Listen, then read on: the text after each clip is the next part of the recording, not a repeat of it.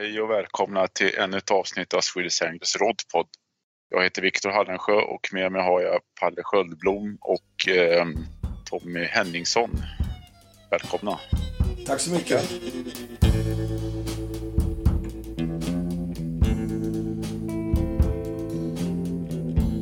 Swedish Anglers Rodpod presenteras i samarbete med Fiskekompaniet. I've had enough of your bullshit to last me a lifetime. So get out of here. Tommy, eh, de som inte vet vem du är, kan du berätta lite snabbt var du kommer ifrån och vad du pysslar med? Ja, en eh, dedikerad metare och sportfiskare på 22 år. Eh, kommer från Motala från början. Eh, studerat på Forshagaakademin och jobbar i nuläget på Upplev Sportfiskecenter i Linköping. Då. Ja.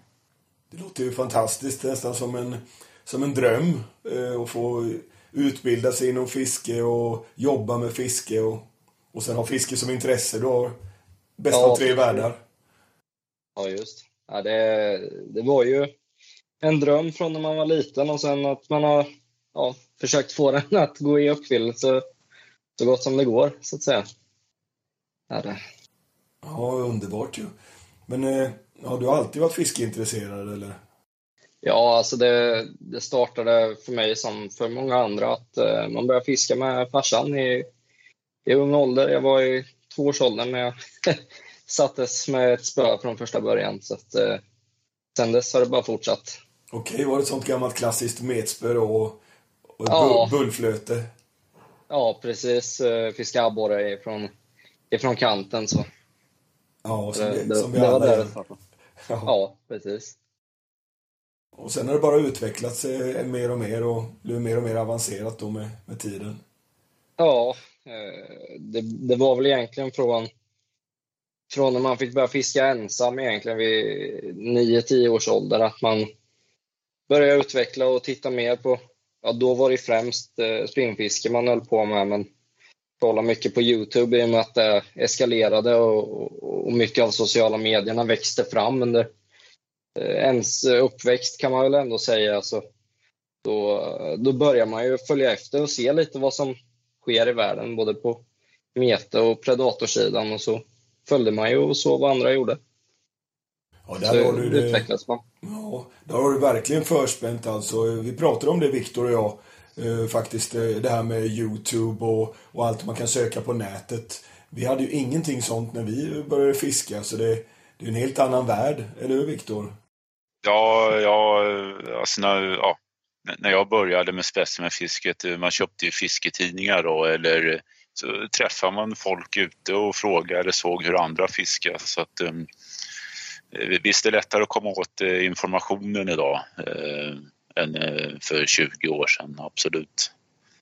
Ja. Ja. Vad hittar du liksom på... Vad hittar du din information? Det är Youtube och sånt. Du kollar på filmer och sånt, eh, Tom, eller?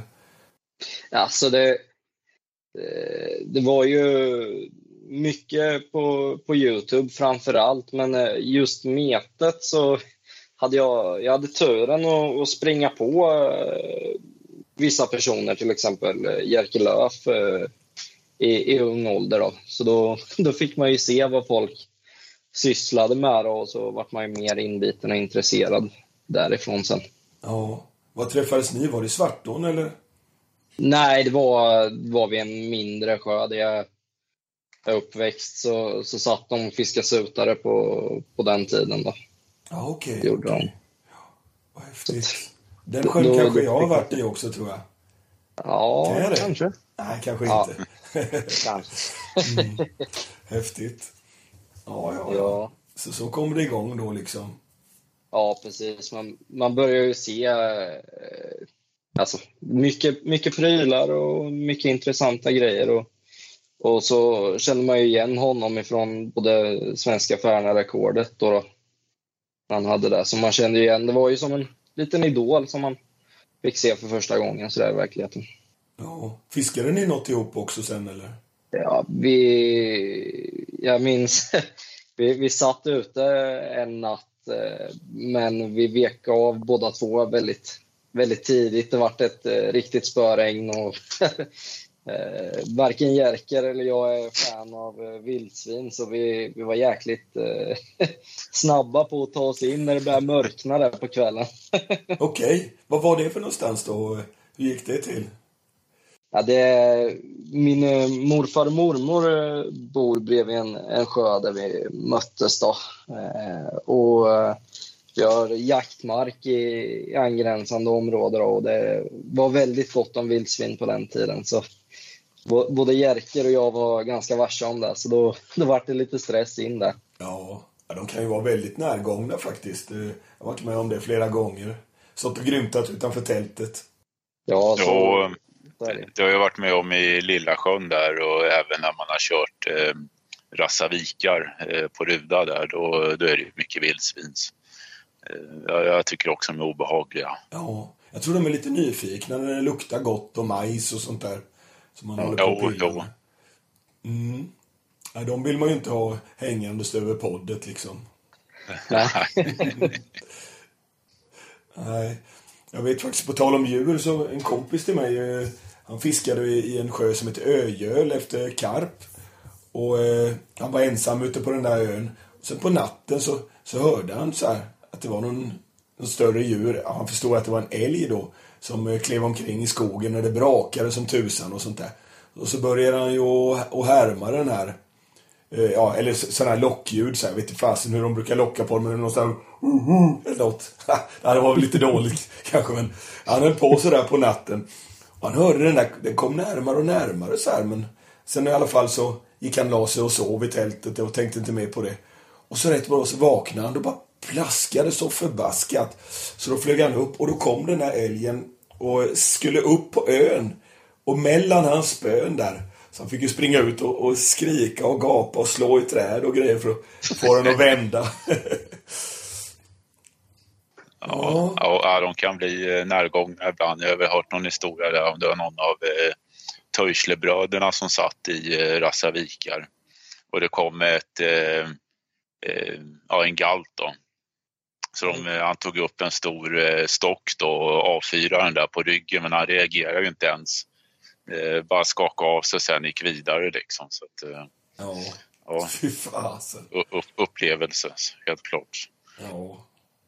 Ja, för sjutton så är det. Ja, du jobbar i butik nu då alltså? Ja, jag jobbar i huvudsak med, med webbshoppen då, men eh, vi frågor av eh, mete och framförallt mete och flugfiske som jag blir nerropad till butiken. Men webbshop i huvudsak är dagsläget. Ja, ja, ja just det. Är det. Vad, men du kall, kallar de dig Tommy eller är det, jag har hört något annat så här, Toddler eller Tommy Tutt eller Ja. något sånt va? Ja, det, min, min chef eh, kom på det, det härliga namnet Tutte då, och sen har du ju Håkan, då, Håkan Fransson, han, han kallar mig Tommy Toddler. Då. Eh, Ja, ja, ja. För ni jobbar också tillsammans ja, i butiken? det gör vi. Det stämmer. Ja, kul. Ja, det måste vara härligt och eh, vara både roligt och, och ja, och stöta på mycket människor alltså. Snacka mycket Ja, fiske. så är det. Ja, så är det. Mm. Både på webben och butiken så är det ju det är fantastiskt att kunna jobba med något som man liksom kan brinna när man faktiskt eh, pratar med kunderna. Eh, i, både svåra och, och bra tider om man säger. Mm. Är det många som är intresserade av mete och kommer med frågor och sådär? Har ni mycket mete på butiken? Ett, jag kan väl säga att vi har ett eh, grundsortiment om man säger eh, för att kunna börja feederfiska eller, eller flötmeta eh, på, på startnivå. Liksom. Men, men det är ju svårt att, att ha ett, ett fullt brett metesortiment för, för de flesta situationer om man säger så. Det är väldigt svårt. Men jag är ju inne rätt mycket i butiken och jag tycker ändå det finns ett... Eh, ni har mäsk, eh, liquids, eh, fidrar, eh, krok, eh, specimenflöten, eh, gäddflöten och alltså det täcker mycket av eh, och till och med spön har ni tagit in nu. Ja, Så att, eh, eh, fiderspön eh, och eh, lite matchgrejer. Ja precis. Så att det, det finns ju ändå, eh, jag är ju tacksam för att det finns eh, om man någon gång skulle bli utan fidrar eller krok och här, man ska iväg och sen, ja. fasen, eh, eh, jag hade inga krokar. Eh, Alltså jag är tacksam att man kan gå ner och köpa krok i lokala butiken. Eh, Jag vet inte hur det ser ut hos dig, Pall, eh, fiskebutiken i Oskarshamn. Har ni mycket meter där? Vi har inte jättemycket meter av inte, men vi har så man klarar sig. Det finns lite krokar som man gillar och sen finns det ju sänken och fidrar då. Lite klykor och, och banksticks och sånt där. Sådana där Ja. förbrukningsgrejer. Lite boilinålar också och, och smått och gott. Så det Ja. är jäkligt skönt.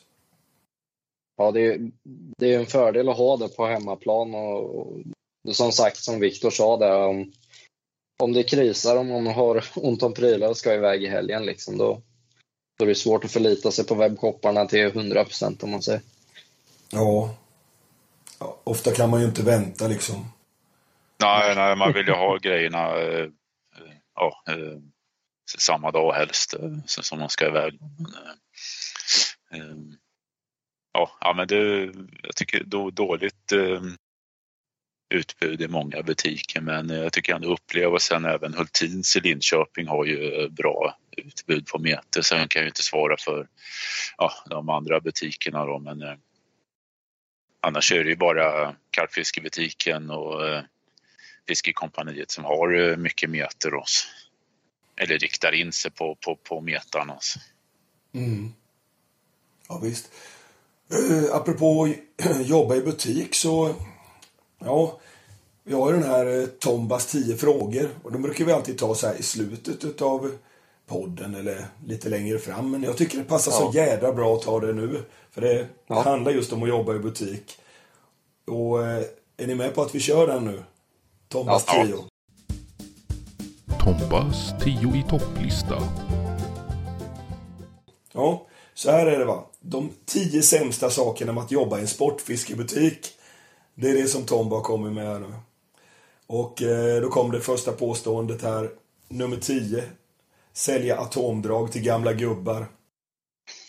Är, det, är det skit eller?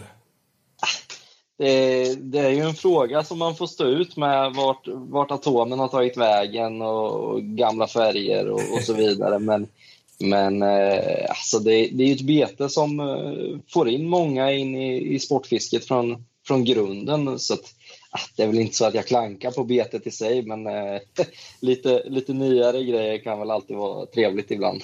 Ja. Men det är jobbigt att svara på frågor på de där gamla gubbarna som ska ha de där klassiska dragen. Ja, det är, jag skulle inte säga att det är jobbigt, men eh, det kan vara svårt att, att få folk att förstå att eh, vissa grejer har förändrats de senaste 40 åren. Kan jag tänka mig. Det kan vara så ibland. Ja. ja, det finns kanske värre saker. Ja, jo så är det ju. Ja. Ska vi ta nummer nio också? Gör det. Det gör vi. Aldrig ha rätt färg på powerbaits hemma till Sixten, 87 bast. Ja, det, det är ju det är en ständig fråga på Powerbait eh, från vissa kunder. Eh, Det, det är ju ett populärt eh, sätt att fiska regnbåge på, så är det ju. Men ja, ibland kan det vara svårt att styra över dem på andra beten om man säger så. Ja, det är det. Alltså det, det är... Är det regnbågsbetet nummer ett eller? Kör folk jättemycket med det eller? Ja, det, det är ju, ska man se metermässigt så är det väl det som vi säljer mest. Det är ju inte många som frågar efter mask och maggot om man ser till put and take-fisket så. Det är så ja, okej. Ja, Fast jag vet inte hur det där funkar alltså. Jag har aldrig metat eh, regnbåge. Men vad, sätter man det bara rakt på kroken sån här powerbaits däggklump eller? Ja man, man brukar ju bara forma det till en eh, kula på kanske 16-20 millimeter och så fäster man in kroken där och sen kör man bara. Ja, ja, nu börjar jag bli jobbigare än Sixten 87 så att jag tar väl nummer åtta istället. Ja. eh, ha ångest över att ha lurat ännu en kund på att köpa fluorokarbon för 100 kronor metern. Var det någon ångest över det?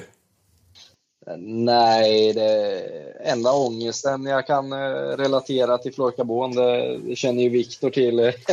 När man har fluorkarbon som huvudlina från vissa fabrikat så hålla på att wrappa upp den är väl det värsta man kan råka ut för när du ska lägga ett, ett vettigt kast efter karp. Det, det rekommenderar jag inte min värsta fiende för det, det är hemskt. Ja, det blev, eh, det blev eh, bacon det där med Ja. fluorkarbon. Alltså. Och vad menar ni när ni ska kasta? Att det blir så här, att det bara fräser i, i ringarna eller? Ja, men han skulle wra- wrappa upp eh, Ja. och då liksom eh, ja, det bara, den, den reste sig från spolen så att säga så att eh, det blev bara trassel. Och fan, bara Ja. ramlade av spolen så här. Ja, ja, precis. De- Dels det och sen när du har lindat upp den eh, på wrapping sticksen, om du inte håller stenhårt på, på det fabrikatet jag testar så eh, en, en nylonlina kan du ju ändå inte slacka men du kan släppa lite tension på den. Ja, visst. Men, men, men släppte du bara lite minimalt på, på fluorkarbonen som huvudlina så det bara ramla i- isär ifrån eh, pinnarna utan, Ja, utan några bekymmer. Liksom. Och då har du ju 50 meter trassel liksom, på en gång. ja, just det. Men den där historien drar du inte för någon kund. Nej, nej, det skulle jag nog inte göra. Se- Sen vet jag även när man har haft på ismeterrullarna eh, så eh, det, det reser sig och så blir det trassel eh, när man har haft fluorkarbon ibland. På haspelrulle då, på ismeter? Ja, ja, På eh, Ja, ambassadörer. på ambassadörer. Okej. Ja, eh, så har det liksom eh, rest sig ifrån eh, spolen. Jag vet inte varför det blir så faktiskt. Nej. Det är att den är stel eller eh, Ja. har ingen aning. Det, det är nog st- stelheten i, i linan i sig som är själva problemet. Eh, Nu när det finns eh, så kallade fusionlinor där du blandar fluorkarbon och nylonen så, så slipper du många av de problemen i dagsläget. Och, och det är nog en stor fördel vid framförallt karpfisket också om man ska rappa och, och så vidare. Mm. Skulle jag säga. Vad, är, vad är det bra grejen då med fluorkarbon? Vad tycker ni? Vad tycker du Tommy? Det är väl eh, om man vill ha lite eh, styvhet i, i linan, liksom, eh, lite Mm. bättre kontakt. När du träffar klipset till exempel så du verkligen känner när, när vikten slår i botten. Liksom. Mm. Och kanske om man ska knyta en tafs här, som man vill att tafsen ska skjuta, skjuta ifrån. Ifrån. Ja. Och så man kanske har en sån här kombirigg eller något som man vill Ja. verkligen få bort det där, ja, kroken med, med braiden då.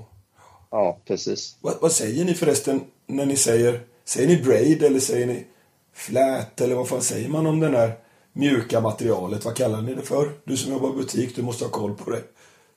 Alltså, det, jag skulle ju säga eh, flätat material, för det är ju vad Ja. det är. Men, Ja, men eh, det är ju mycket engelska termer i metet, så det är lite upp till var och en. det känns så jävla skevt att säga så här, "Ah, jag har knött på lite braid.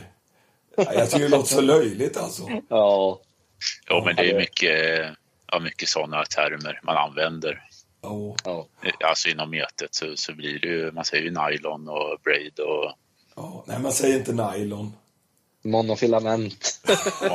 Nylon säger jag för fan. ja, precis. Ja, nej, det är mycket engelska termer som sagt. Ja, Ja. det är det. ja, men annars som är just eh, fluorkarbon är ju också att den sjunker väldigt snabbt eh, och lägger sig på botten. Det är väl det jag eh, föredrar. Ja, just det. Är den egenskapen hos eh, fluorkarbon. Ja. Men eh, framtiden då, det är kombinations nylon, fluorkarbon blandningar då? Jag skulle, jag skulle tippa på det eh, för att slippa det värsta av linminnet på eh, nylon. Du har ju, du har ju linminne på en fluorkarbonlina men eh, eh, beroende på fabrikat och om den är kastbar så, så minskar man ju det problemet till viss del. Ja, Eh, gör man ju. ja just det. Men varför kör du fluorkarbon på ismetet då, Viktor? Har du, har du Det är ju, eh, nej, det är bara, jag har haft det till eh, flötestrolling och sen är det samma rullar som åker på ismetespön. Alltså. Ja, just det, just det. Ja. Men det är bra att ha det på flötestrolling då? Ja, det tycker jag.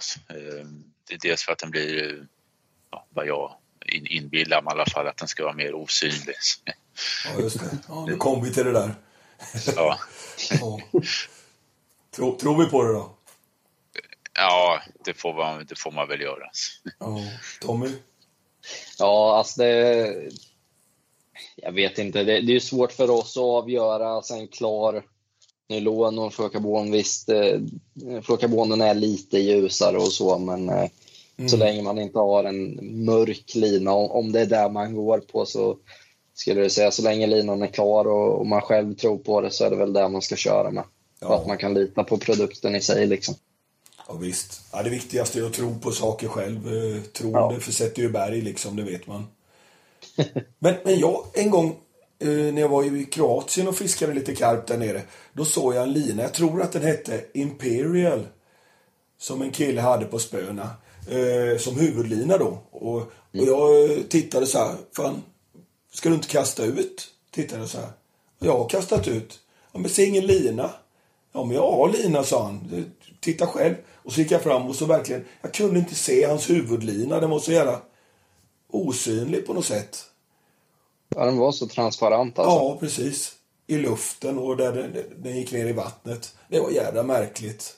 Jag försökte få tag i den där linan efteråt. För jag tänkte den kan man ju den kan man säkert ta till tafsar och allt möjligt.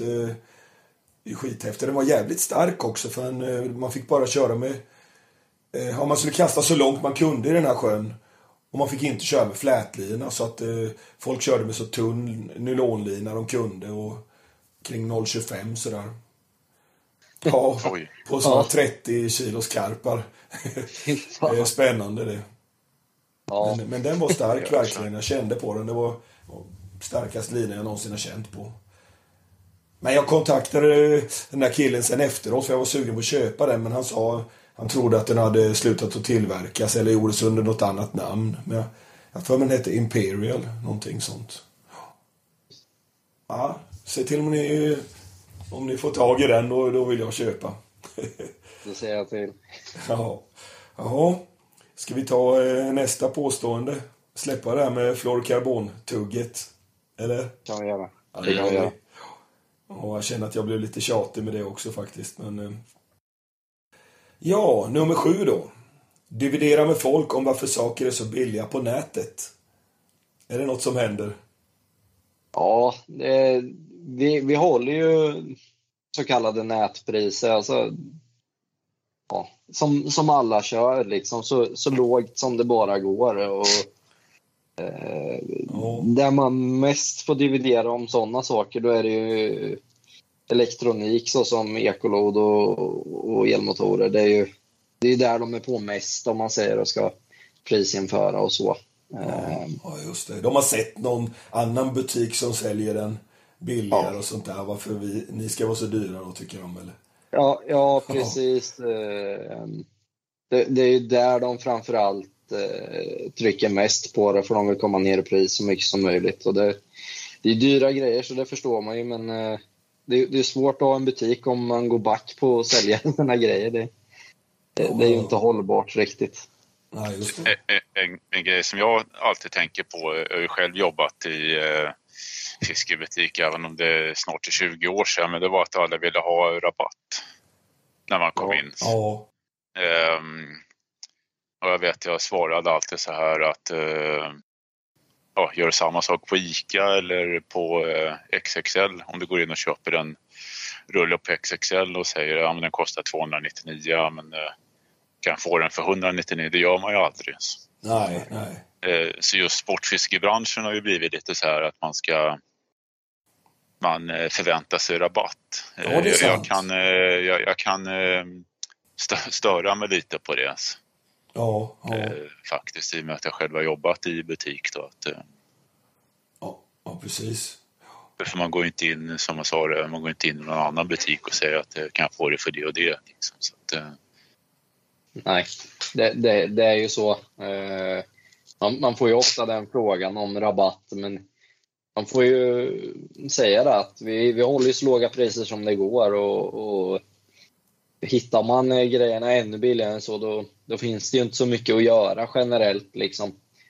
Eh, det, det är nej, svårt, för, det är svårt Ja. att fortsätta med butik om, om man inte kan liksom, leva på, på det man säljer. Liksom. Då, Ja. då är det svårt att hålla igång det.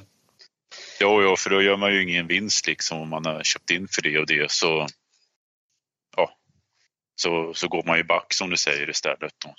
Ja, Men då, så kan de tycka att men den och den butiken tar ju det och det priset men eh, de kanske har andra, alltså, köper in större parti eller eh, så- sånt där. Så att, eh, Mm. det, det, Ja. det vet man ju inte. Så att, eh, kan ju vara så på utgående produkter och så att, att man kan köpa in vissa rullar till, till bättre pris om man köper ett stort parti och då kan man ju hålla ner priset. Men eh, ja, det, det är ju bra för dem men mindre bra för andra. Så är det ju. ja, Ja. Men nu, nu vet du då Tommy att eh, kommer Viktor in till dig så vill han inte ha någon rabatt. Nej, precis. Handlar du aldrig något på rabatt, Viktor? Jo, det händer faktiskt ibland men eh, eh, jag kräver faktiskt inte rabatt eh, när jag kommer in i butiken utan eh, Ja, nu hör ni det, alla Sveriges sportfiskehandlare. Viktor Hallensjö vill inte ha någon rabatt av er. ja, Ja, gött. ja. Sköt jag mig själv i foten här. Jag tror det nästan. Ja. Bet dig själv i svansen och allt vad Ja. det heter. ja. Har vi någon mer liknelse, på det där? Nej, det har vi kanske inte. Nej, det är svårt. vi, vi får gå vidare på Ja, listan där. Så. Ja, det får vi göra. Vi går vidare. det är redan kört. Eh, jo, nummer sex. Känna skam över att inte ha ett riktigt jobb med en arbetsmarknadstjänst riktad mot gamla missbrukare. Hur känns det? Ja, alltså det, det är ju... Det, det är ju det, det beror på lite hur man ser på frågan i sig. Alltså det, det är underbart Ja. att få jobba med, med det man älskar, men eh, om man säger eh, att se när folk eh, får stora fiskar och man är fast på ett kontor kanske inte är det roligaste hela tiden. Nej, nej. Jag tror Tomba tänker så här att, eh, att det inte är riktigt jobb. Så här, det, det är mer så här dagdrivare och sånt jobb som jobbar inom sportfiskebranschen, tror jag han tänker. Och, ja, typ så här Håkan Fransson och Viktor Hallensjö och såna här flummiga eh, filurer. Dansken och sånt. ja, precis. Ja, precis. så eh, han- han ser väl inte som att det skulle vara ett riktigt jobb då kanske, eller? Om jag förstår Nej, det rätt det- har ju sina, sina lugna stunder och sina livliga stunder, så är det ju. Ja, ja, det ju. precis. Ska vi ta nummer fem då? kan man göra. Jobba till klockan 18 samt helgerna när man kunde göra något vettigt istället. Ja, det där är ju... Det. Min, min lycka är att jag jobbar med webben då, så att eh, det är inte alltid till klockan 18, men sommartid kan det vara lite frustrerande när, när du har kört en, en hel dag från, ja, från eh, 8 på morgonen till 6 på kvällen och, och det kommer in någon eh, 10 i 6 där och ska ha kombos och, och så vidare och ska vara kvar till halv, halv sju, sju, då, då kan det vara lite frustrerande. Och helgerna är man ju gärna ledig och fiska på om man har möjligheten så att säga. Ja, men eh, hur, hur funkar det? Du är ledig ibland på helgerna också och i veckorna med så du kan dra iväg och sådär eller? Ja, förut eh, så hade jag, då jobbade jag helger eh, minst två, två helger i, i månaden. Då. Och då kunde man ju vara ledig eh, en, en torsdag, fredag och sen helgen då. och dra iväg på lite längre karpass och så. Eh, kunde man ju. Eh, nu, nu slipper jag jobba i butik på helger då. Eh, jag vill lösa det här på lite andra sätt. Då. Så då när jag kan jobba bara veckor så får man i alla fall helgen fri och, och sticka iväg lite så. Ja, det är härligt ju. Ja, för det, det var ju när jag jobbade på Berra så var det ju, man jobbar ju måndag till fredag 10 till 18 och sen varannan lördag. Så att eh, det blev ju mycket så här eh, lite karp kväll, natt, morgon, sutare, ruta och sånt där. Eh, Man fick ju åka på sådana turer så fick man ju ja, lida på dagen sen istället. för Man var trött då. Så det, det, det var väl nackdelen med att jobba i butik, eh, arbetstiden alltså. Ja. Ja, min, Så dröm är ju. min dröm är att jobba helgskift då, två dagar i veckan. eh, Och långa pass och sen eh, vara ledig mycket då. Det, det, men tyvärr har jag inte så. Jag får jobba tvåskift jag. Ja. Ja. Du, får- du får bli gangster och så får du ha lakejer som jobbar åt Ja, sliter in stål. Ställer ni upp då? Ja, ja. ja, ja. Jag kan vara bossen. ja. Härligt. Okej, kommer vi till nummer fyra på Tombas lista. Dricka 18 koppar kaffe om dagen sliter på prostatan. Är det något du känner av? Har den svullnat upp? Nej, det, det som är grejen är att på, på vårt jobb har vi så jäkla uselt kaffe så att det, det, det är nog ändtarmen du sliter på. Ja. Me- Mer än, än prostatan kan jag väl uttrycka mig. Okej, Eh, det rinner rakt igenom bara. Ja, det, man får inte mycket energi, men du får mycket arbetstid på dass så att säga. Ja. Det är Håkans fel, det är han som köper kaffet. Ja, det, han, han står för gasjobbet i alla fall på, på Upplev Sverige. Okej. Ja, jag kan väl eh, hålla med om att eh, kaffet är inte världsklass på Nej. upplevelse. Så att det, det, skippar man gärna. Alltså. Ja, det, det är väl våran eh, största nackdel kan man väl nästan uttrycka. Det får bli lite uppsträckning där då. På ja, precis. Så, så fixa till det. Arabica, inte rustica. ja, nummer tre på Tombas lista. Höra om andras fiskefångster dagarna långa. Lyssna, Ja. lyssna, lyssna. Det, det, kan vara, det kan vara jobbigt ibland när man vet att vissa vatten presterar i toppform för tillfället. Eh, Det, det, som, eh, det som man kan önska hade väl varit om man var ledig lite i veckorna när inte alla var ute på... Ja, när man kunde vara lite i fred och fiska ostört då. Är väl eh, framför allt det. Så. Men man, man får ju man får ju bara gratulera för fina fångster, så är det ju. Ja, ja, det är ju lite så va. Men det känns, ja jag tycker fasen det där är jobbigt bara. Man tittar in på nätet så här, och så ser man så här. Eh, Tommy Henningsson och Viktor Hallesjö de varit ute och han fick en färna på 3 och 1 och en brax på 7 kilo. Alla får Ja. stora fiskar känns det som. Men egentligen Ja, vi- är det sådär man börjar tänka till så här att, ah, fan, jag får ju också, de är ju många så det, det är väl det som spelar in, det är så mycket intryck från alla håll. Jo, Det kan det alltid vara. Ja, men då kör vi på med nästa då. Eh, nummer två, nu är vi nästan uppe färdiga här då. Man har personalrabatt, men butiken säljer inga metprylar. Ja, eh, det, ja det, det är ett eh, ganska jobbigt dilemma, men eh, det som är turen är väl att jag kan beställa grejer från Fox och så. Ja. Eh, och, och, och Prologic och, och JRC och, och Daiwa då. Eh, problemet är väl eh, betesfronten. I, idag har jag ett samarbete med Vital Baits då. Mm. Eh, Så jag fiskar med deras boilies och så på karpsidan. Så där, där har jag lite förspänt och så. Men eh, innan, det var ju att försöka tajma in när, när det var lite rabatter. och Annars får man köpa. Man får ju bara godta vad det kostar. Man skriver ju sällan till, till Anders eller till, till kompaniet att eh, man vill ha rabatt. Nej, man, man, man får ju ta vad det kostar. Liksom. Så det ja. ja, men kommer du åt allt Fox och Daiwa och grejer som du säger, ja, då har du ju allt du, du behöver faktiskt ju. Ja, så är det ju. Man, man eh, hade väl önskat dock att man kunde komma åt de här grejerna på daglig basis, men då hade man väl inte haft någon lön i månaden. Nej, det Var över, så. att säga. Ja. Så är det väl. Hur var det med dig Viktor? Handlade du upp din eh, lön på Bäras eller? Jo, det blev väl det, eh, ty tyvärr. Ja. eh, Fick tugga Pescaviva på helgerna istället. För Ja, precis. ja, ja, härligt. Ja, nu kommer vi till den sista. Den allra sista på Tombas lista. Nummer ett. Hjälpa folk med sina jävla julklappar. ja. Är det inte skittråkigt?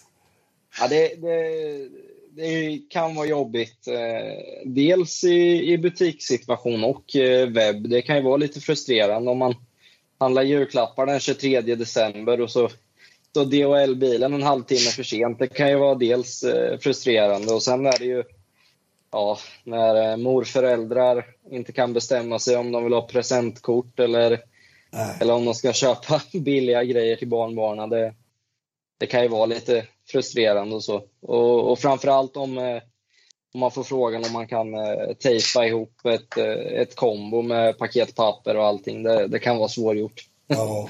ja, men du är jävel på att slå in paket va? Ja, packa paket det kan jag, men eh, med paketpapper är det lite jobbigare. Ja, ja. Ja, fy fasen. Ja, nej men då får vi tacka Tomba för den här listan. Det var roliga frågor faktiskt. Ja, de var bra. Riktigt kul.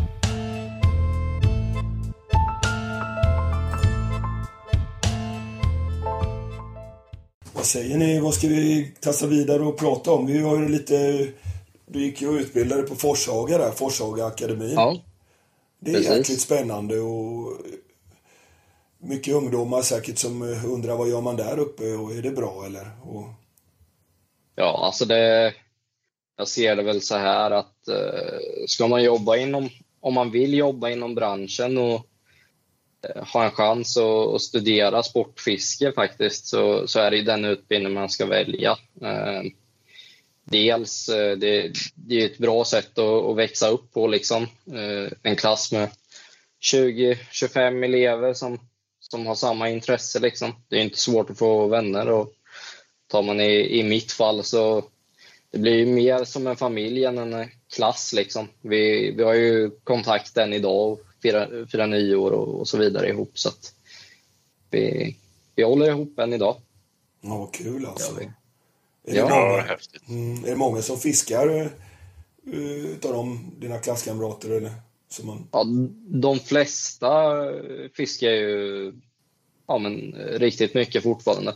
mm, Eh, sen, sen är det ju andra som har letat sig vidare och så. Men ja. Är det några sådana kända namn? Mer, än- Ja. mer än dig då? Ja, det är ju Linus Eriksson på Sporting. Ja. eh, han och jag bodde ihop, bland annat. Eh, sen några kända namn. Ja, det, vi är ju totalt fyra personer som jobbar inom branschen, då, men Mm, det är, det är jag och Linus i, i webbshop-sammanhang. Då. Han Ja. på Sporting och jag på Upplev. Och så har vi en eh, kompis som heter Ludvig då, som jobbar på Fredin Flies. Eh, skickar flugbindningstillbehör och så har jag en eh, annan klasskompis som heter Jakob som jobbar på Fiskejournalen då, på deras webbavdelning.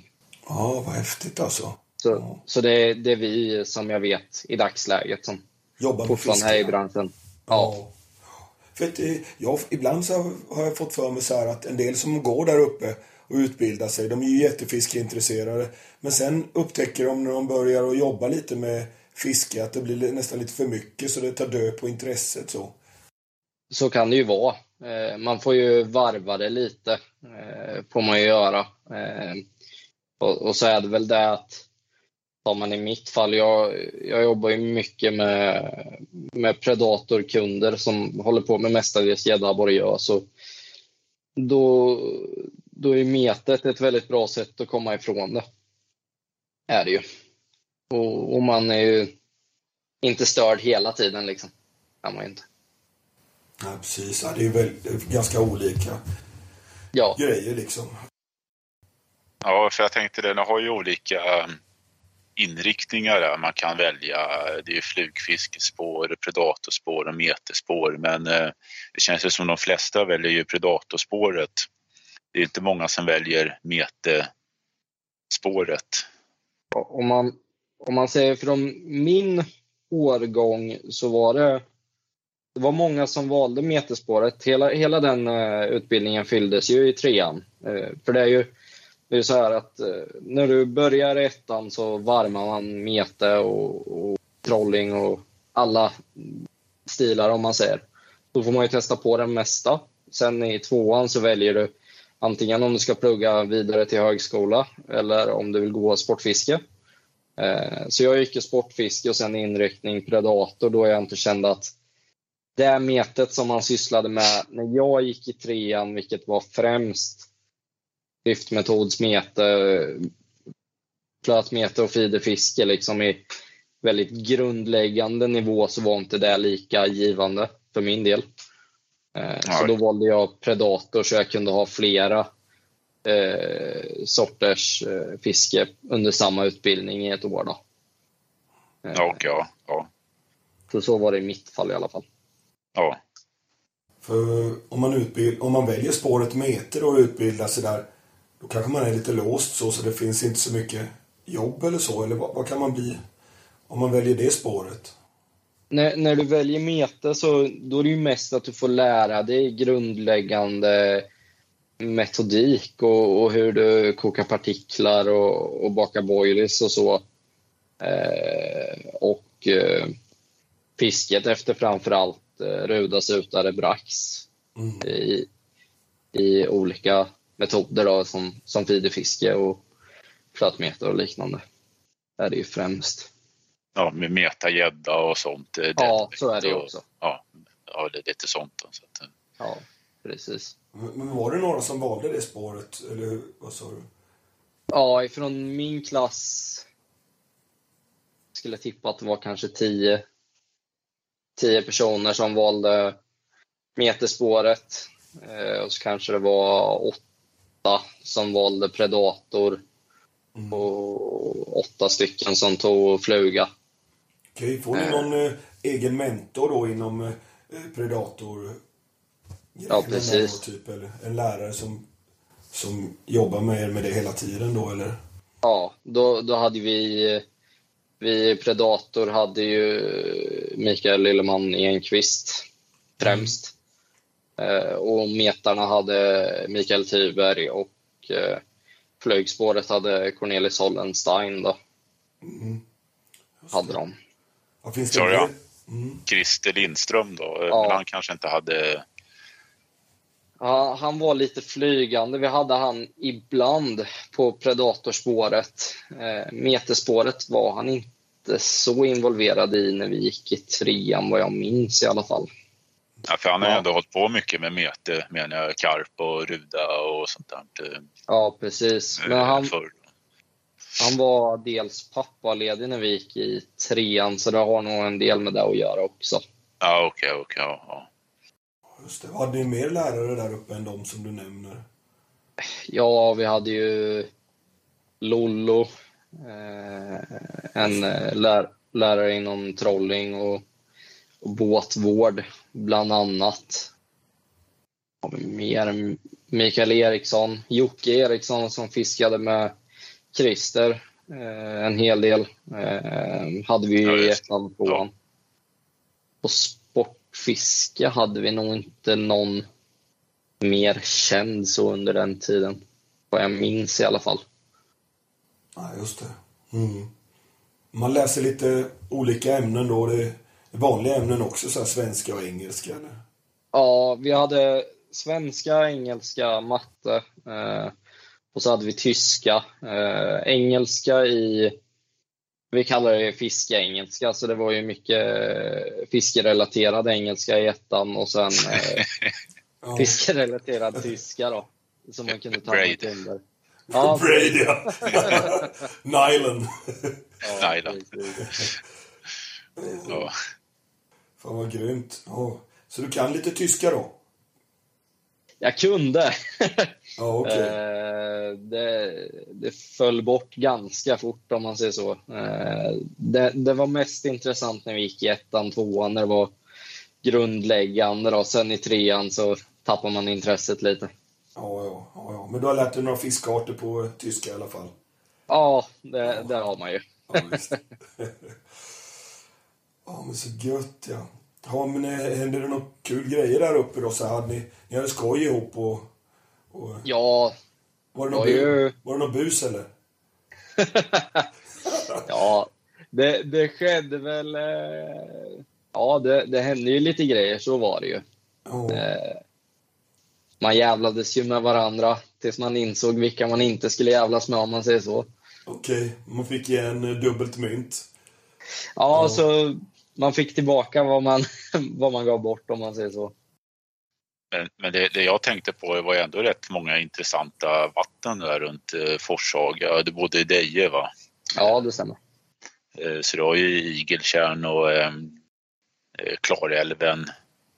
Ja, precis. Vi, vi hade ju Mycket gäddvatten, lusten. eh, Ja, Västra Uppen, Östra Uppen. ja, Eh, Det var, ju, det var ju mycket folk som rörde sig runt om sjöarna eh, tills, tills man eh, kom i körkortsålder. Då, då öppnades ju en helt annan värld liksom, där man kunde röra sig lite öppnare ytor om man säger så. Ja. Eh, Det är ju så när, det, när du har uppemot ja, mellan 75 och 90 personer som, som fiskar eh, så gott som varje helg liksom, så, så kan det vara svårt att, att hitta nya vatten liksom, innan man har körkort. Men när det öppnar sig så har man ju stora fördelar om man säger så. Har man ju. ja. Mm. Fiskar du mycket i igelkärn? Det är fina rugor Ja. och sutare med va? Ja, alltså det, det var väl där egentligen jag utvecklade mitt mete. Eh, För att när vi började i, i ettan där i, i augusti så var det ju inte... Man kände ju inte att gäddfisket var, var igång. Eh, Och då gick man ju och sneglade där vid sjöarna som låg närmst. Eh, Och så började man ju inse att det var ruder som rullade för fullt på kvällarna där. Eh, och då, då börjar man ju maniskt försöka fånga de här fiskarna. Eh, så jo, det, det var väl där egentligen det hela startade kan man nästan säga. Med eh, seriösa satsandet på meter för min del. Mm. Var det ju. Fick du några vettiga fiskar där i, i igelkärn? Jag startade, jag har inte exakta vikterna på de första fiskarna. Det dröjde inte så lång tid faktiskt. Den största jag fick när jag gick i ettan där precis i början vägde 17,30. Så det var ju precis under 70 gram ifrån regg där då, men eh, okej. det var ju ändå stabila fiskar. Var det ju. Ja, ja verkligen. Svarar de bra? Ja, det, det skulle jag ju säga. Eh, På den tiden så hade vi ju inte eh, börjat hålla på med mäsk så mycket. Då var det mer loosefeeda med majs och så. Men de, de svarade ju bra på det här med. Det var inte, det var inte omöjligt att få fisk om man säger så. Nej. Var det inte. Och, och mycket flötmeter då eller lite Ja. Mm. Främst eh, flötmeterlyft med toad då, eh, som vi startade med. Ja. var det ju. Eh, Det är ju så pass mjuka bottnar i, i igelkärn så i mitt fall så har jag aldrig känt att jag vill fiska en boltrigg eller method feeder där. Nej. På så sätt har jag inte känt. Nej, det finns ju sjöar där det faktiskt är omöjligt att, att fiska med en boltrigg. Jag, jag har provat till exempel, vi har en liten sjö här utanför Oskarshamn. Lilla Grytsjön finns den, heter den då. Ja. Det är mycket ruder i den. Och där tänkte jag så här, men jag ska prova någon boltrigg och lägga ut bara för skoj se, och se om det funkar då. Men eh, alltså jag får en sån klase med svart eh, torv på varenda gång man lyfter upp. Det är helt omöjligt. Det bara sjunker ner i skiten gör. Precis. Det är ju det med, med igelkärn att eh, du kan ju mer eller mindre ha bottenlösa områden där du har bara dy och, och skit liksom eh, två meter ner eh, från när du har slått igenom. Så att eh, det är nästan omöjligt att, att lägga en boltrigg eller liknande där. Så då är det ju lyftmetod man använder främst, i mitt fall i alla fall. Ja. Och vad säger du Viktor? Du hade också, har du något vatten där uppe runt Forshaga som du är nyfiken på? Eh, nej, jag vet, jag och Tommy var och körde i Igeltjärn där eh, två år sedan. eh, Mm. Och det, det är som man säger där, det var ju ganska lös botten i det. Så att Tommy lyckades få en på 18.30, 18.20. Ja. Jäklar. Ja. Ja, 18, 20, 40, 45 centimeter vill jag minnas att den var. Det var en ganska Ja. lång fisk. Eh, Och jag vet jag fick ett gäng där runt eh, 1700. Så att, eh, Ja, eh, annars är det ju Klarälven där med eh, idel lak. Eh, Mm. eh, nu har man ju inte hört så mycket om lakfiske i eh, senaste två åren. Nej, men det är ju bra där utanför skolan precis va? Ja pre- precis. Eh, Forshagaforsen har det ju eh, bra med lake eh, och, och stor lake. Eh, sen har det ju man kan ju både röra sig neråt och, och uppåt i systemen. Eh, både i Deje-trakterna har det ju tagits reggor också. Eh, men framför allt om man ska ha en riktigt stor lake så är det ju mynningen till, till Vänern då vid, vid Göspiren då vid, vid rätt tid där på ja, slutet på vintern när norsen precis har börjat stiga så, Ja, så är de ju i området. Så är det ju. ja, just det. Och där har jag varit och provat och fiskat lite faktiskt. Men jag Ja. på, alltid tänkt på det så här, hur högt eh, stiger de där lakarna som kommer upp från Vänern? Går de högre upp än så eller håller de sig i mynningen eller vad tror du? Om du får gissa fritt. Det är ju det är svårt att säga för det är ju det är ju ändå dryga 2,5-3 mil upp till, till Forshaga ifrån Karlstad. Eh, om man ska se sjöväg. Det, ju, det finns ju klart möjlighet för dem att gå upp men eh, om man ser till den mängden fisk som, som stiger där så har de ju inte ont om föda i det området om man säger så. Nej. Eh, Så jag tror mycket fisk är stationär runt Göspiren där då. Ja. Det, det, har, det har ju kommit upp lakar ja, närmare 7 kilo har jag hört om i alla fall. Eh, där nere. Så det, det finns ju riktigt stora. Ja, det är ju grymt. Och sen har man ju hört om de där idarna med i Klarälven. Det har jag inte någon koll på överhuvudtaget. Mer än att det fång, har fångats väldigt stor id genom år, treor och sådär. Ja, det, det är ju kring, eh, kring eh, kraftverket i, i Forshaga.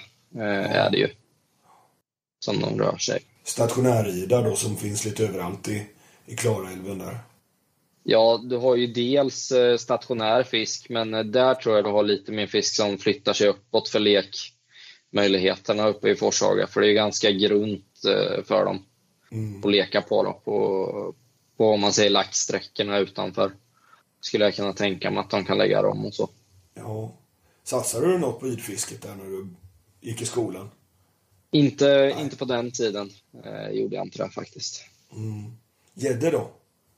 Gädda satsar vi på. Eh, Det var ju framförallt mycket i smete eh, vintertid som vi höll på med.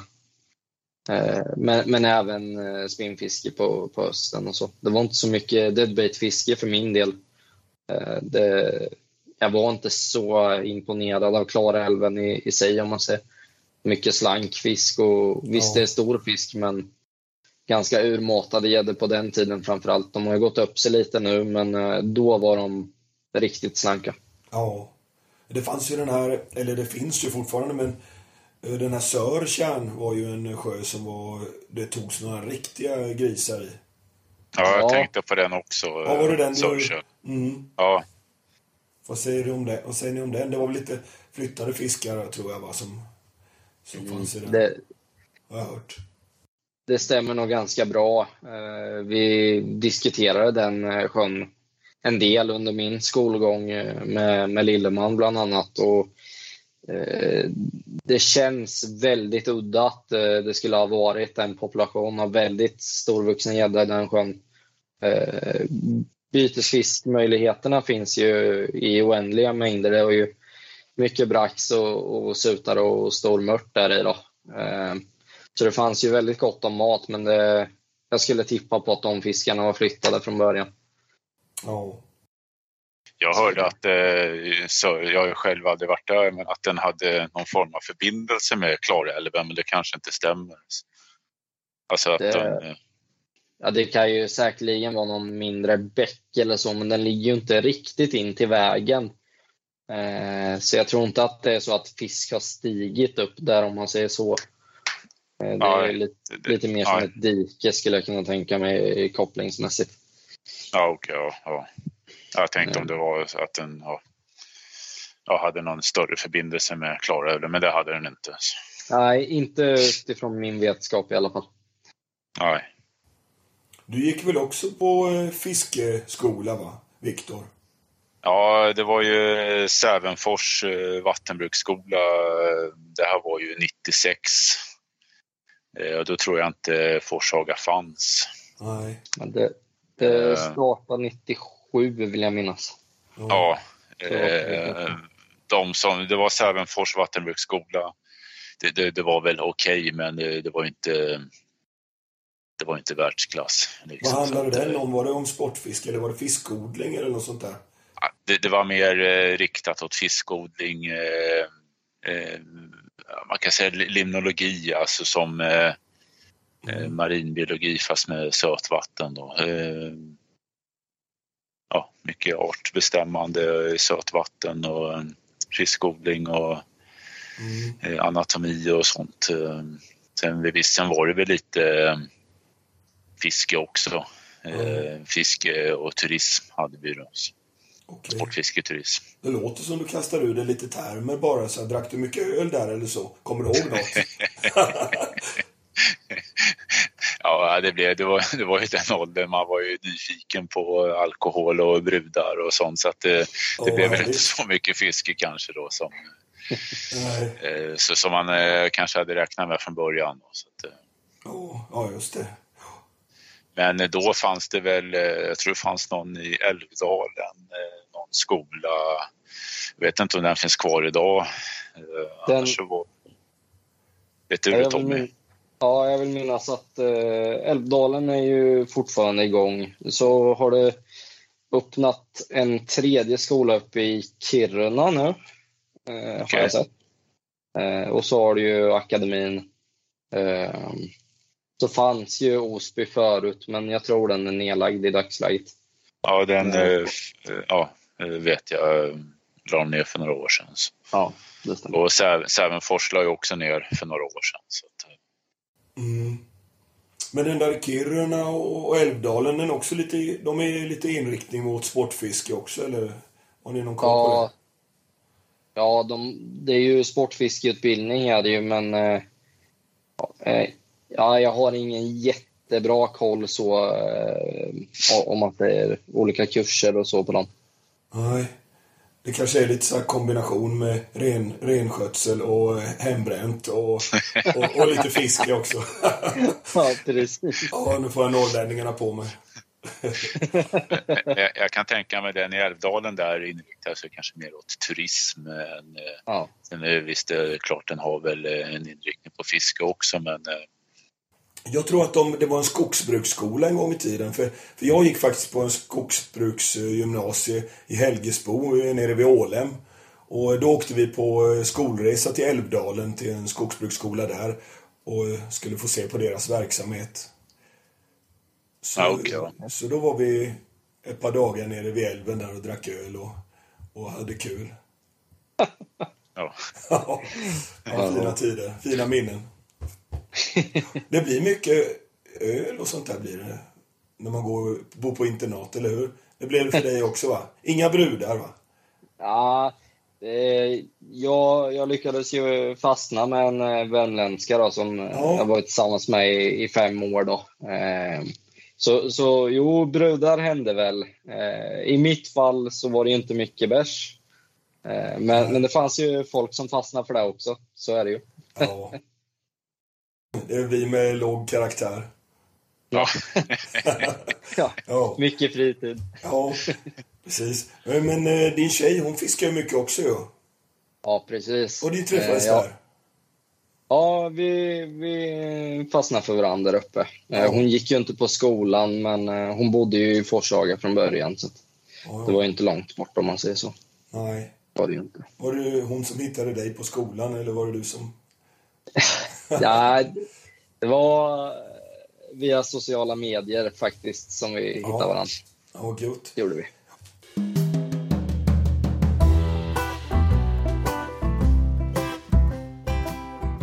Men du Tommy, eh, du har fiskat lite karp också. ja, varit... det, det har jag. Ja, du har varit nere i min sjö och hälsat på och fiskat lite karp i Karsel och haft både dåliga och riktigt bra pass ju. Ja, vi, vi startade ju och, och fiskade i din sjö, nu ska vi se, 2020 borde det väl ha varit kanske? Ja. Första vändan. Eh, och eh, det var ju en, to en total fadäs. Vi, vi åkte och satte oss vid Robbans udde 2 där i, i mitten på juli och det blåste stormvindar och det var 30 grader varmt så det var ju inte, det var inte optimalt för fisket om man säger så. Var det ju inte. Eh, Jennifer, min eh, sambo, där fick jag en sutare på 2,6 vill jag minnas. Och jag fick mm. en karp som var lika stor. ja, just det. Ja. Ja, jag var bara imponerad att ni fick fisk överhuvudtaget i den här stekhettan. Ja, det var ju inte, det var inte optimalt var det ju inte. Eh, och framförallt inte på den platsen där det kom mest sol i hela sjön. Nej, där, där ligger ju på från morgon till kväll där alltså. Ja, det, det, kan ju vara... Jag tror det är en plats som fiskar bra när det blåser in där, men eh, annars är det ju svårt. Den är ganska djup eh, runt kanterna där, om man säger. Ja, det är den. Sen eh, året efter, då, 2021, så åkte vi och satte oss eh, på badplatsen. Det var ju en, klar, eh, en klart bättre satsning om man säger så. Ja, Eh, jag var ju uppe och hälsade på er där. Ni hade ju ett drömfiske ju. Ni bara vräkte Ja. upp fisk. Ja, jag tror jag hade tio fisk upp på, på tre nätter. Eh, och det var ju ett gäng eh, fjällisar framför allt över, mellan 8 och 10 kilo. Och så fick jag ju Jovan där på 14 och 6. Ja, vad grymt. Ja, hur kändes de där fjällisarna? De var rätt sköna att ta va?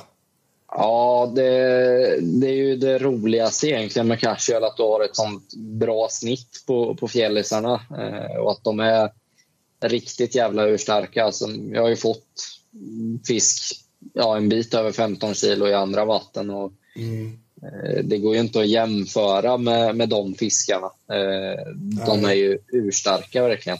Ja, det är riktigt otäckt. Alltså, man tror att det är hur, hur stor fisk som helst när man drar på en. Ja. Jag kommer ihåg eh, Pers en gång. eh, Han var ju fiskare där uppe. Då, och då drog han på en sån där fjällis. Hoppade i båten och skulle drilla den därifrån. Och Ja, han, och han höll ju på i ja, säkert 20-30 minuter och drillade på den där fisken.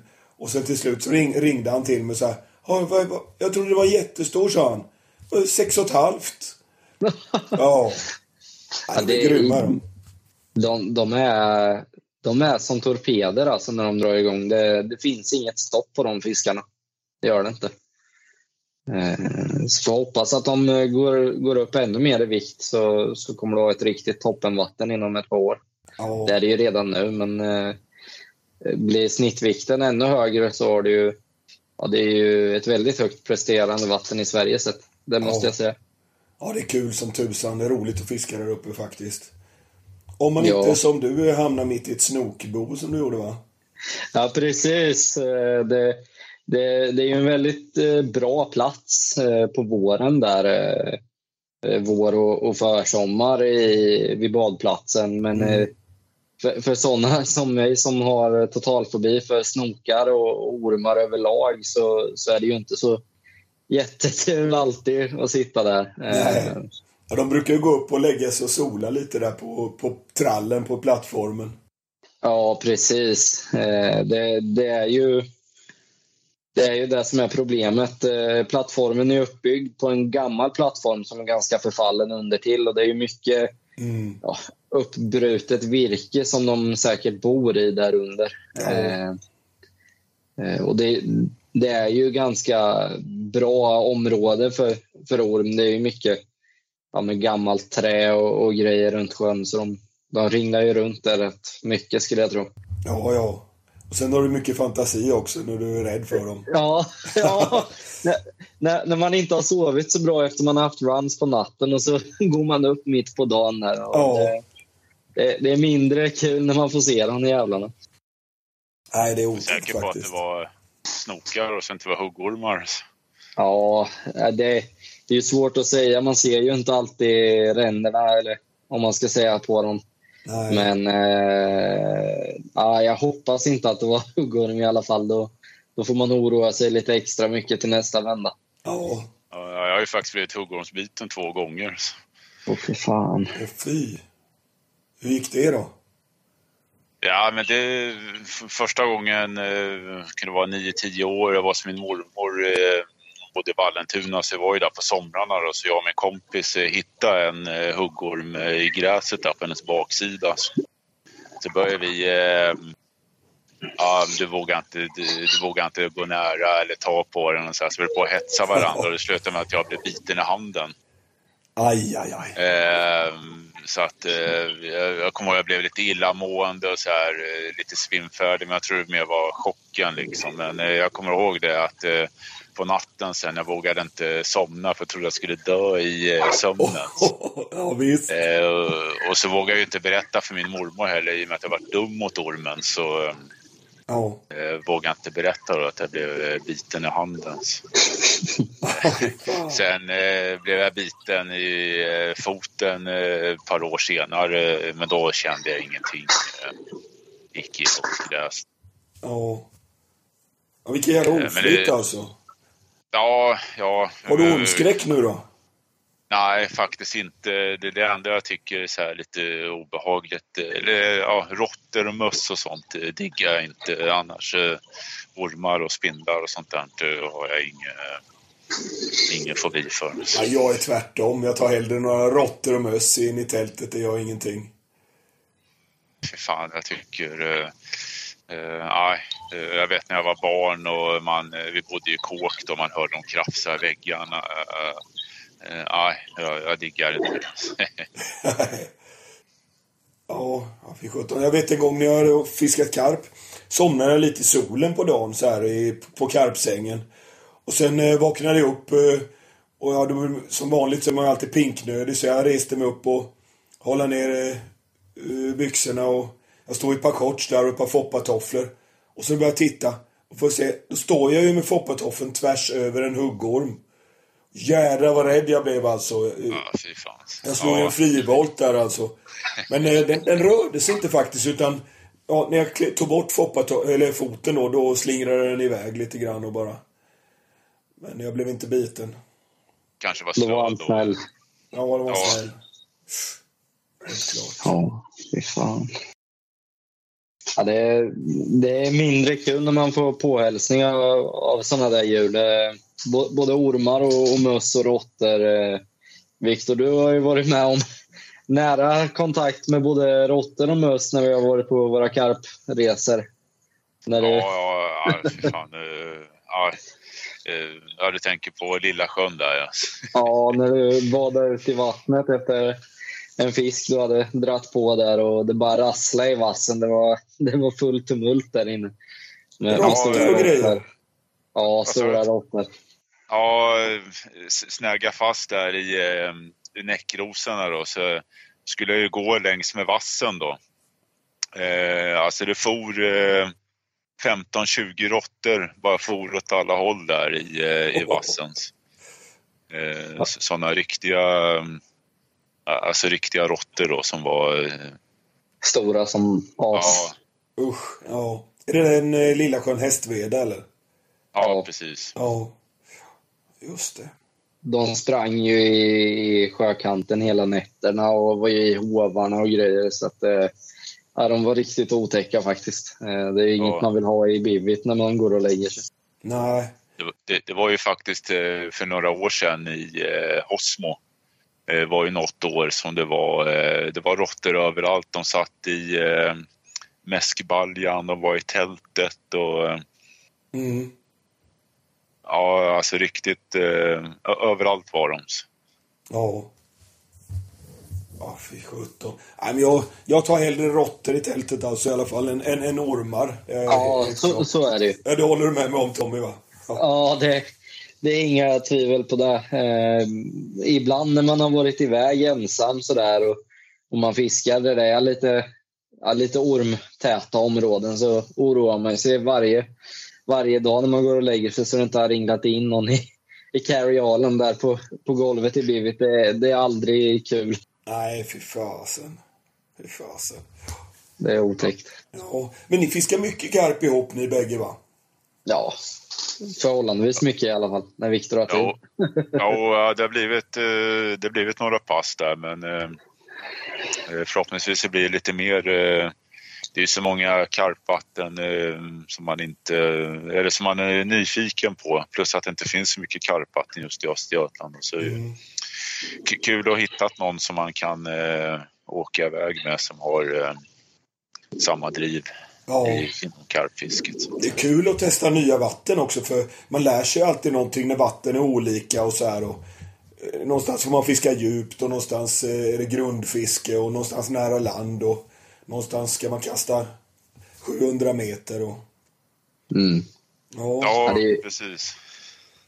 Va- Varje vatten har ju sin skärm liksom, oavsett storlek på fisk. Det är ju, en karp är ju alltid en karp, så varje fisk är ju en, en vinst i sig. Liksom. Så är det ju.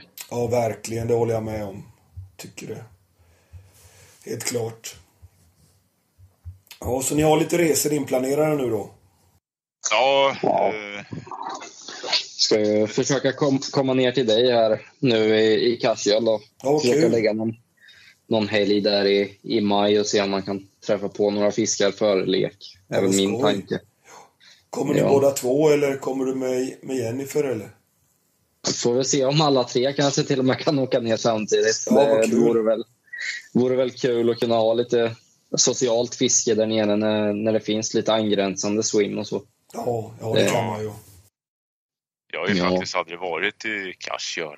Nej, jag vet det. Det Jag skulle har varit på, väg, några- varit på väg några gånger men det har uh, fasen inte blivit. Men, eh, Jag tror du skulle gilla det alltså. Det, det ligger så avsides långt ut i skogen. Det är mysigt faktiskt.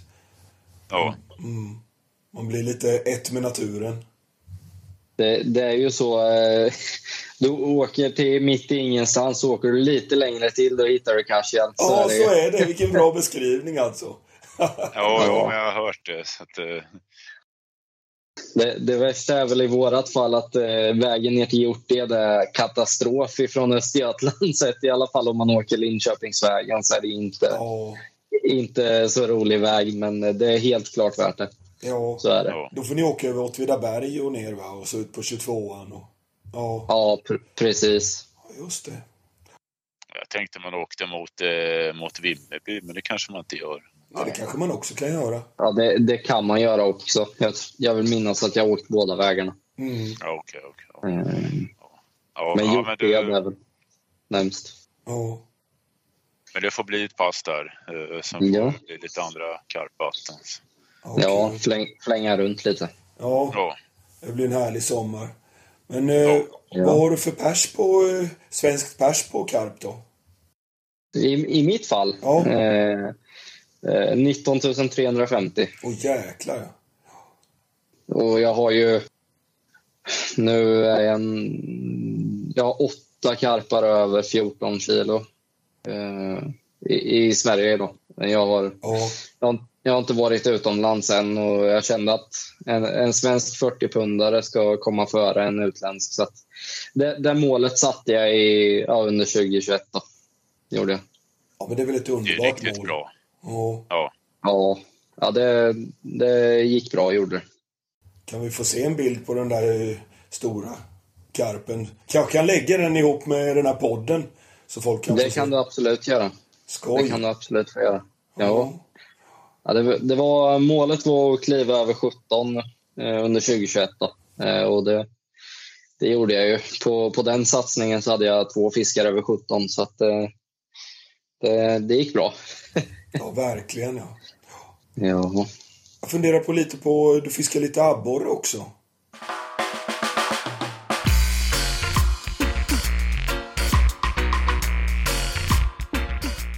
Ja, eh, både, både på, på spinn och, och mete eh, satsar jag förhållandevis mycket på det. Jag, jag fiskar ju mestadels eh, karp och, och ruda och sutare då, eh, under, under sommarmånaderna. Och så kör jag abborre på höst och vår. Då. Det är väl där jag fiskar oftast. Om man säger så varvar jag med gädda emellan. Ja, just det. Eh, Men körde mycket i Svartån då efter eh, abborrarna. Ja, bland, bland annat fiskar strömmande vatten och, och metar främst så är det ju oftast svartån jag väljer. Den, den håller ju bra med bra snittvikt på fisken och det finns ju riktiga as också så är det ju. Ja, de är helt sjuka de eh, abborrarna. De är ju korta och tjocka och sen så är de ju sjukt eh, snygga också med sina ja, knallröda fenor. Det är ju, Ja, Ja, riktigt vackra. eh, jag, har aldrig, jag har aldrig lyckats i Svartån, jag tror på 1190 men det har ju kommit fisk över 1800 i alla fall vad jag har hört. Wow. ja. Det har ju, Micke Bullen har ju några av de riktigt stora i, i svartån om man ska snacka metermässigt. Han han är ju en eh, riktigt duktig abborrmetare om man snackar svartån. Eh, Ja. Så han har man ju sprungit på under, under vänderna. Liksom. Eh, och det, får du en fisk över 44 så är det ju större risk att han väger över 1300 än under om man säger så. så kondi, konditionen på fisken är ju stundtals eh, riktigt, riktigt bra. Ja. Hittar man dem överallt? De är, finns eh, var som helst i Svartån eller? Ja, det, det är ju... Fiskar man, eh, om man säger så här års, nu nästan i mars, så är det ju mycket bakvatten och, och lugnflyt man får söka dem på. Eh, och de finns ju hela sträckan om man snackar Mjölby ner till, till Roxen egentligen. Det är, man får ju söka lite djupare vatten generellt och, och bakvatten och så. Okej. Hur djupt kan de stå en abborre så här i, i en å? Ja, jag har ju fått eh, fisk eh, på de sträckorna jag har rört mig så har det i alla fall varit en 3-3,5 meter utan problem. Och inga Eh. konstiga metoder, enkelt fiske.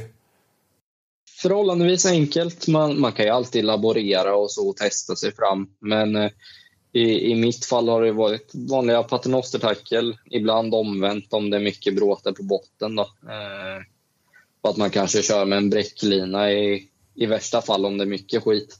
Ja, just det. Så man kan slita loss sänken av. Och mask. Men eh, ja, eh, fyra stycken maskar i mediumstorlek om man köper då. De normala brukar jag köra. Så blir det inte för klumpigt för dem att ta. Ja, just det. Fan vad kul det låter. De är så himla grannar de där fiskarna.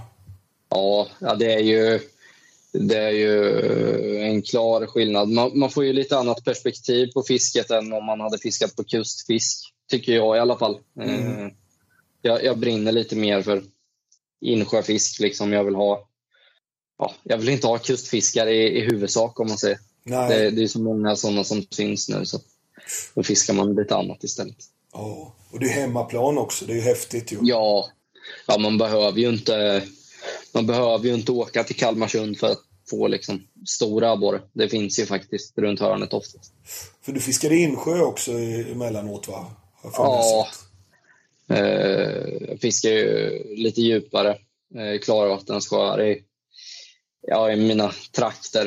Eh, Och då tar man, eh, tar man de lite djupare sjöarna som ja, det finns ju både näringsrika och näringsfattiga men det, det håller ofta bra snitt på abborren. Och framförallt hösttid så kan man ju ha riktigt bra fiske på, på djupare vatten. Men då, då spinnfiskar jag ju och vertikalfiskar dem främst.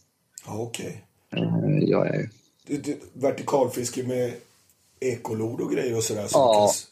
Ja, just det. Precis. Eh, Jag, jag kör, man kan säga ett, ett eh, nerskalat prickskyttefiske som, som får göras fast Mm. du skjuter på ibland enstaka fiskar och ibland eh, klungor upp till fem sex individer. Och du kan hitta dem pelagiskt också och sådär. Och Ja, pelagiskt eh, mellan, eh, mellan 12 och 8 meters djup oftast. Eh, både fristående fisk och, och bottenlevande. Man får ju ta det lite lugnt när man drillar dem med tanke på simblåsan. Ja, just det.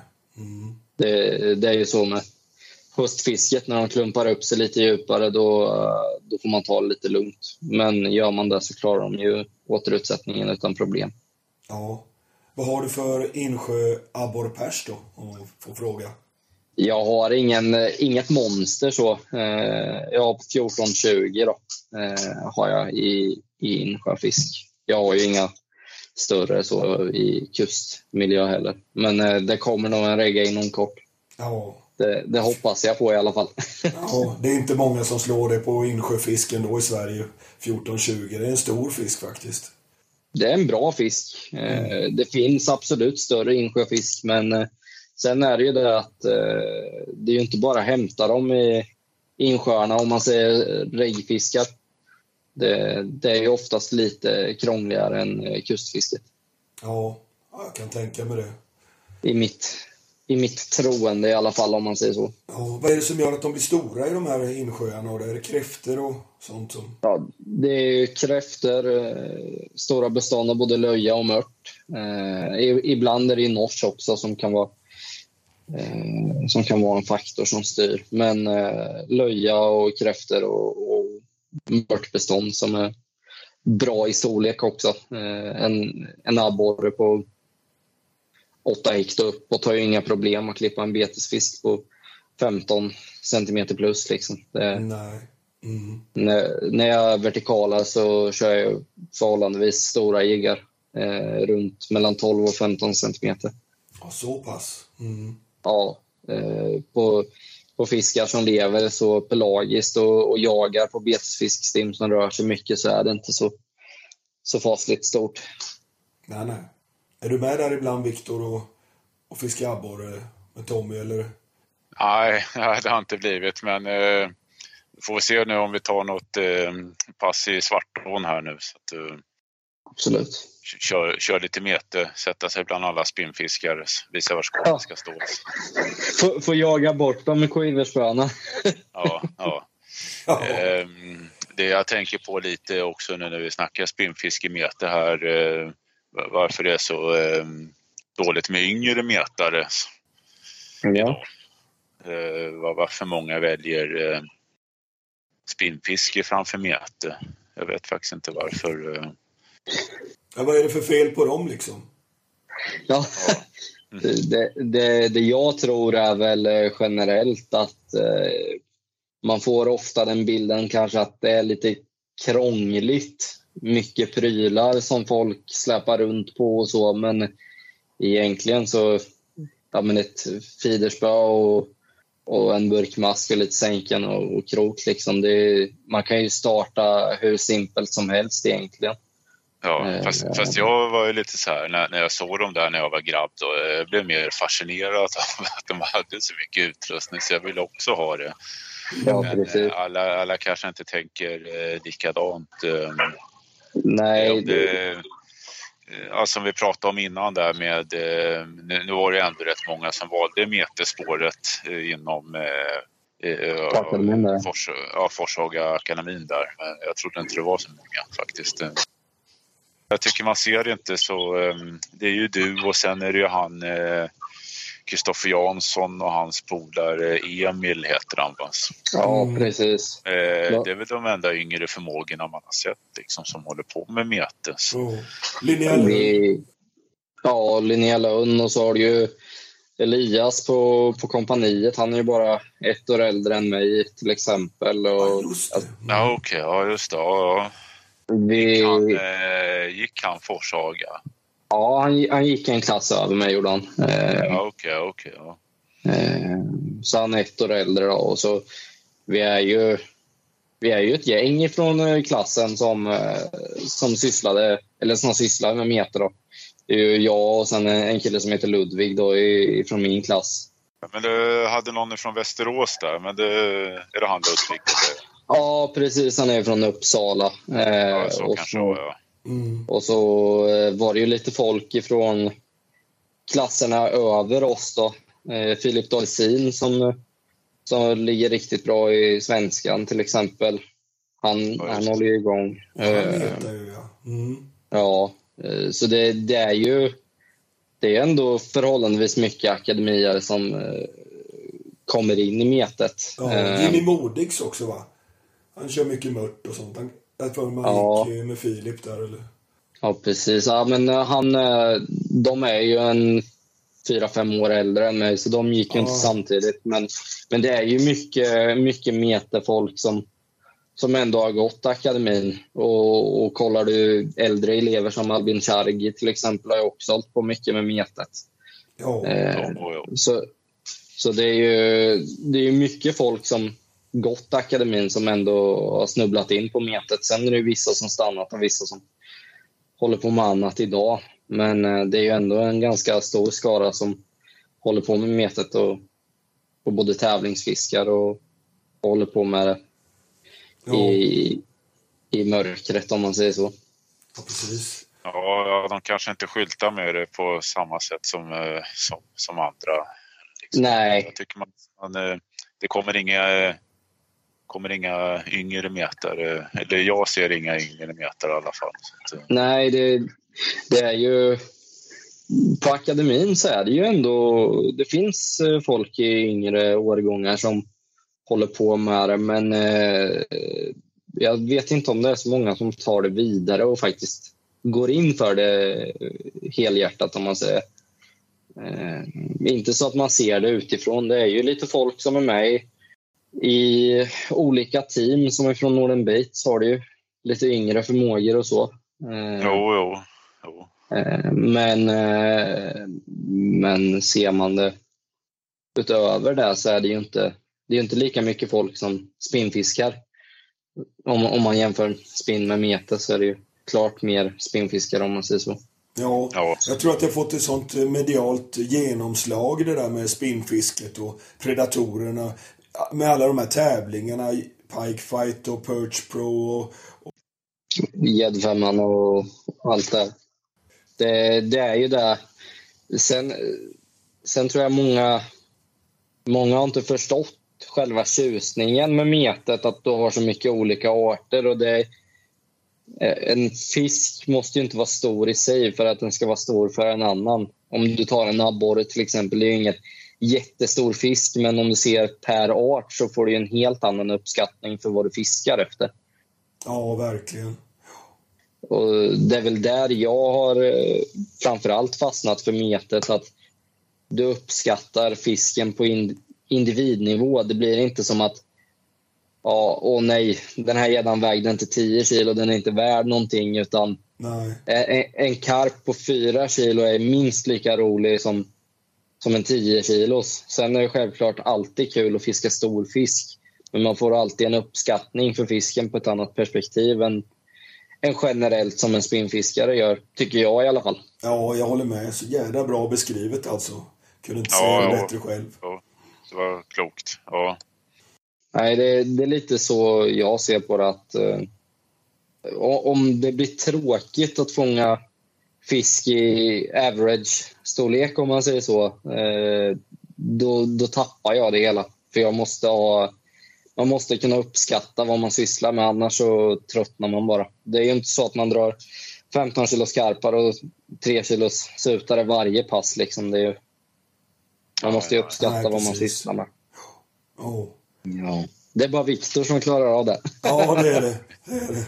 Ligga, ligga på topp för jämnan. Ja, Ja, precis. Jag tror vi, vi är dåliga förebilder är vi också. Vi, vi är äldre metare. Vi, vi kanske Ja. inte är de där profilerna som, som finns inom eh, spinnfisket. Där, som sagt, de kommer ju fram i media så bra. Och gör så Ja. bra i TV, så det är ju häftigare på något sätt än en, än en mossig grön gubbe i vassen som, som mig och Viktor då. Ja, men sen är det nog det att jag tror att metet har nog en, en stor eh, fördel i framtiden. För att om sportfisket i sig, att, eh, att du tävlingsfiskar gädda eller liknande, att allt ska vara så synligt och så hela tiden, det är ju inte för alla. Nej. Och då, då tror jag att metet kommer ha en, en stor framtid. För att det är inte alla som eh, dels är intresserade av att synas och höras hela tiden. Eh, och, och jag brukar ju säga så här, eh, det är många kunder som undrar liksom varför jag fiskar eh, karp och, och varför jag håller på med mete. Och det är ju att dels har jag en otrolig passion för fiskarna och arterna i sig. Men sen så anser jag också så här att om vi ska ha ett hållbart sportfiske i framtiden så det funkar inte att alla fiskar gädda, abborre, gös. Mm. Och, och framförallt inte under de varma årstiderna så, så är det ju inte hållbart heller. Eh, Så jag, jag ser det lite så. Och sen att passionen är ju övervägande för andra arter i och med att man har fiskat så mycket gädda, abborre och, och så. Ja, precis. precis. Härligt det där bivilivet också när man får ligga ute och koka lite mat och Ja, läsa en bok och... Ja, det, det är ju det är absolut att leva i nuet. Det är ju även om du blankar en resa, du har alltid kommit på några nya riggar eller läst någon bok eller lyssnat på någon bra musik under resan. Det finns eh, alltid något att syssla med under tiden. Liksom. Ja. Om det inte finns det så finns det ju Pornhub också. ja, Det finns ju de som tittar på sånt ju. Det finns de som tittar på sånt. Oh. Så är det absolut. Ser man eh, pannlampan, eh, ser man pannlampan fladdra då vet man ska man inte gå nära tältet. Nej, så är det. Nej, fy fan. Ligger det strumpor på taket och håll dig utanför. Ja, ja, det finns Ja, vad, var det för något? Det, det var någon eh, Goggi socka.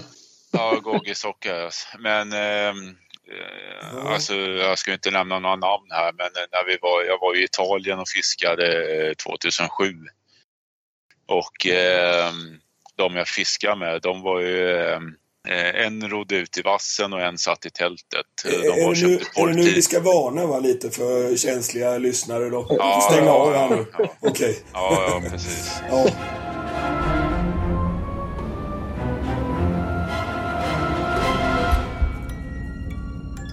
Ja, men det var ju en, en ute i båten där i vassen och sen en satt i tältet liksom. Och, ehm, eh, ja, de var iväg och köpte porrtidningar hela tiden. Så att, eh, och, och det sjuka var när, när vi var där i eh, Italien så var vi inne på något köpcenter. Mm. Så har vi ett sånt jävla liv där inne på eh, den där mataffären då. Då, då. då är det Stefan, dansken, som är där. Eh, Som man hörde i hela mataffären. Så, så han var där samtidigt med, med ja, jag kommer inte ihåg eh, vilka det var nu. Eh, så vi sprang på honom i Italien. Det var, det var lite komiskt faktiskt. Eh, Världen är liten ibland. Ja, fy fasen. Fiskade ni på två olika ställen då? Egentligen? Ja, precis. De var, vi var i eh, Lago di Posiano och så var de i någon annan sjö i närheten där Åh fasen. eh, och körde. Så att, de var där samtidigt. Så vi sprang på varandra på ett, eh, i mataffär där i Italien. Så det var lite, Ja, då är världen liten. ja, helt klart. Ja. Okej, jag tänkte på en grej. Har du fiskat något utomlands ännu, Tommy? Eller har du kvar det? Ja, jag har ju inte, jag har inte kört karp utomlands eller metermässigt. eh, Nej. har jag inte. Men eh, det är ju det är ju någonting jag måste göra inom sin tid. Eh, Jag får bara övertyga flickvännen att eh, vi får vänta lite med ungar så, så Ja. kanske jag hinner komma iväg innan den tiden eh, är här. Men Ja. man vet aldrig. Det kan gå fort ibland. Men Det kanske är något på gång, eller? det kanske är något på gång. Jag får hålla tummarna att det, det är ett tag bort, men man vet aldrig. Ja. Jag har hört också om ett, en kul grej skulle vilja höra om. Ni var och fiskade lite färna, va? Du och Viktor. Ja. Ja. Och Viktor, var det... Fiskade ni mycket färna ihop, eller var det här första gången, eller? Det här var... Det var Första- första gången tror jag. Ja, jag, jag tror faktiskt det. Ja. Men, eh, Jag tror Viktor har skvallrat lite om att du satt tittade mycket i mobiltelefonen. ja, eh, det var ju så här. Eh, jag som ganska lågt meriterad eh, Färnafiskare hade inte full koll på skivertipparna. Eh, jag började kvällen med att ta en fisk på kanske en mindre fisk. 1 och 6, 1 och 7 kanske. Ja. Eh, och i, i full extas ropar på Viktor. Han kommer med våg och grejer och förväntar sig en bra fisk. Eh, han fnyste lite och vände bort. Den var inte så stor. jag tänkte, ja, nu har jag skämt ut mig för en legend. Eh, får se hur den här kvällen fortsätter. Ja. Och jag sitter och kollar lite på Instagram. Jag tror klockan är tio, halv elva. Ja, ja, ru- runt tio där, tio, halv elva. Ja. Eh, och eh, jag, får, jag får mer eller mindre en käftsmäll av butten på, på mitt spö. Eh, och jag lyfter, Mm. ja, jag, jag lyfter klingan. Eh, och det första jag tänker är, vad fan har jag felkrokat nu? Eh, för det var något av de värsta rusningar jag någonsin upplevt. på något annat än karp. Eh, och jag var ju helt hundra på att det var ingen karp i Svartån. Nej. Och eh, jag började sakta men säkert eh, drilla fisken.